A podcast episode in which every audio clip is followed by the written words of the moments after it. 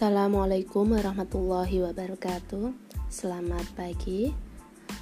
Untuk mengawali bab 2 ini ya Bank Sentral, Sistem Pembayaran dan Alat Pembayaran Maka kompetensi dasar yang harus kalian miliki yaitu yang pertama Kalian harus mampu mendeskripsikan Bank Sentral, Sistem Pembayaran dan Alat Pembayaran dalam perekonomian Indonesia Lalu, menyajikan peran bank sentral, sistem pembayaran, dan alat pembayaran dalam perekonomian Indonesia.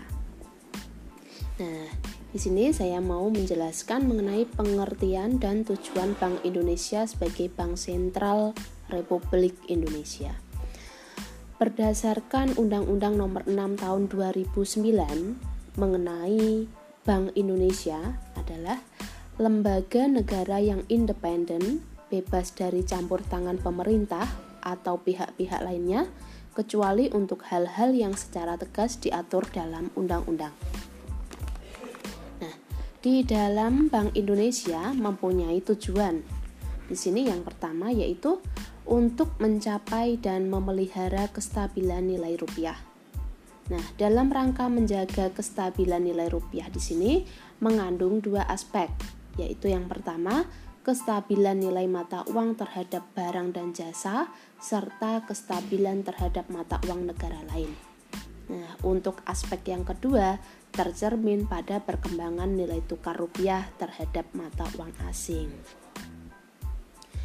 Bank sentral atau BI di sini memiliki beberapa fungsi, yaitu yang pertama sebagai bank sirkulasi. Bank Sentral atau Bank Indonesia sebagai bank sirkulasi di sini dinyatakan sebagai pemegang hak tunggal atau hak oktroy dalam pengedaran uang kertas maupun uang logam sebagai alat pembayaran yang sah. Fungsi yang kedua yaitu sebagai bankers bank. Jadi, bankers bank di sini bank sentral adalah bankirnya dari bank-bank, yaitu bank sebagai salah satu sumber dana bagi bank-bank yang lain. Fungsi yang ketiga yaitu sebagai lender of last resort. Bank sentral adalah pemberi pinjaman pada tingkat terakhir. Artinya di sini bank sentral dapat memberi pinjaman kepada bank dalam bentuk kredit likuiditas darurat. Fungsi yang keempat yaitu sebagai pelaksana kebijakan moneter. Dalam hal ini, Bank Sentral mengeluarkan kebijakan melalui beberapa instrumen moneter seperti cash ratio, open market operation, kebijakan diskonto, dan pengawasan kredit selektif.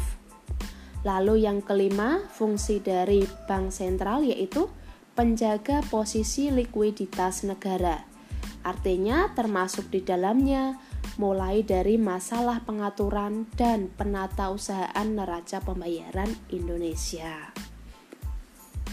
Nah, itu adalah beberapa fungsi dari bank sentral atau BI. Sekarang saya lanjutkan mengenai tugas dan wewenang Bank Indonesia sebagai Bank Sentral Republik Indonesia.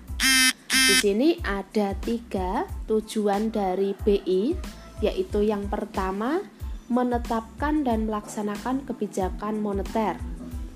Yang kedua yaitu mengatur dan menjaga kelancaran sistem pembayaran dan yang ketiga yaitu mengatur dan mengawasi bank. Nah, yang pertama menetapkan dan melaksanakan kebijakan moneter. Di sini Tujuan yang pertama dari Bank Indonesia adalah mengendalikan jumlah uang yang beredar agar tercipta kestabilan nilai rupiah terhadap barang dan jasa. Yang kedua, mendorong perekonomian nasional. Nah, dalam pelaksanaannya, BI atau Bank Sentral perlu berkoordinasi dengan pemerintah agar kebijakan moneter sejalan dengan kebijakan-kebijakan yang lain yang sudah diatur oleh pemerintah. Nah, dalam hal tujuan yang pertama di sini wewenang dari BI yang pertama yaitu menetapkan tingkat diskonto cadangan minimum bank umum, serta mengatur kredit atau pembiayaan. Yang kedua, yaitu menetapkan sasaran moneter dengan memperhatikan laju inflasi. Wewenang yang ketiga yaitu melakukan pengendalian moneter dengan tidak terbatas pada operasi pasar terbuka di pasar uang, baik dalam bentuk mata uang rupiah maupun valuta asing. Untuk tujuan BI yang kedua yaitu mengatur dan menjaga kelancaran dalam sistem pembayaran. Nah, di sini dilakukannya pengaturan dan penjaga kelancaran sistem pembayaran tujuannya adalah dalam rangka yang pertama terciptanya kesepakatan, aturan, standar, dan prosedur yang digunakan untuk mengatur peredaran uang. Jadi, di dalam hal ini, sistem pembayarannya bisa dilakukan secara tunai maupun non-tunai. Yang kedua yaitu menetapkan penggunaan alat instrumen pembayaran.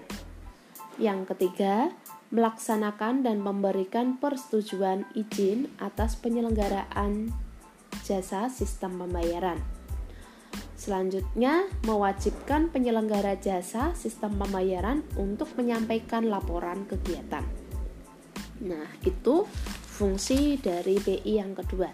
Yang ketiga yaitu mengatur dan mengawasi bank. Nah, dalam hal ini tugas pengawasan yang dilakukan oleh BI difokuskan pada pengawasan makroprudensial sementara pengawasan mikroprudensial diserahkan pada OJK.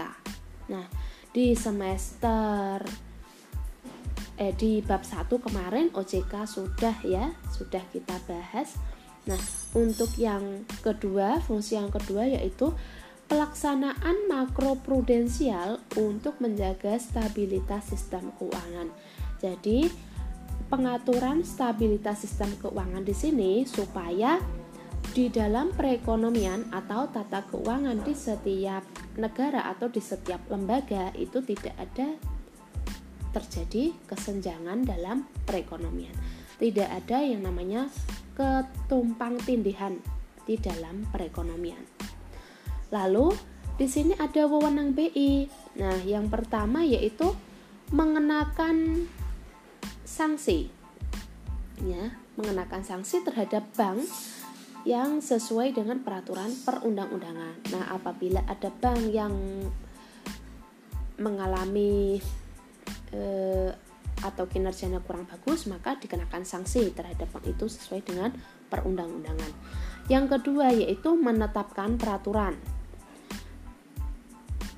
Yang ketiga, memberikan dan mencabut izin atas kelembagaan dan kegiatan usaha tertentu dari bank.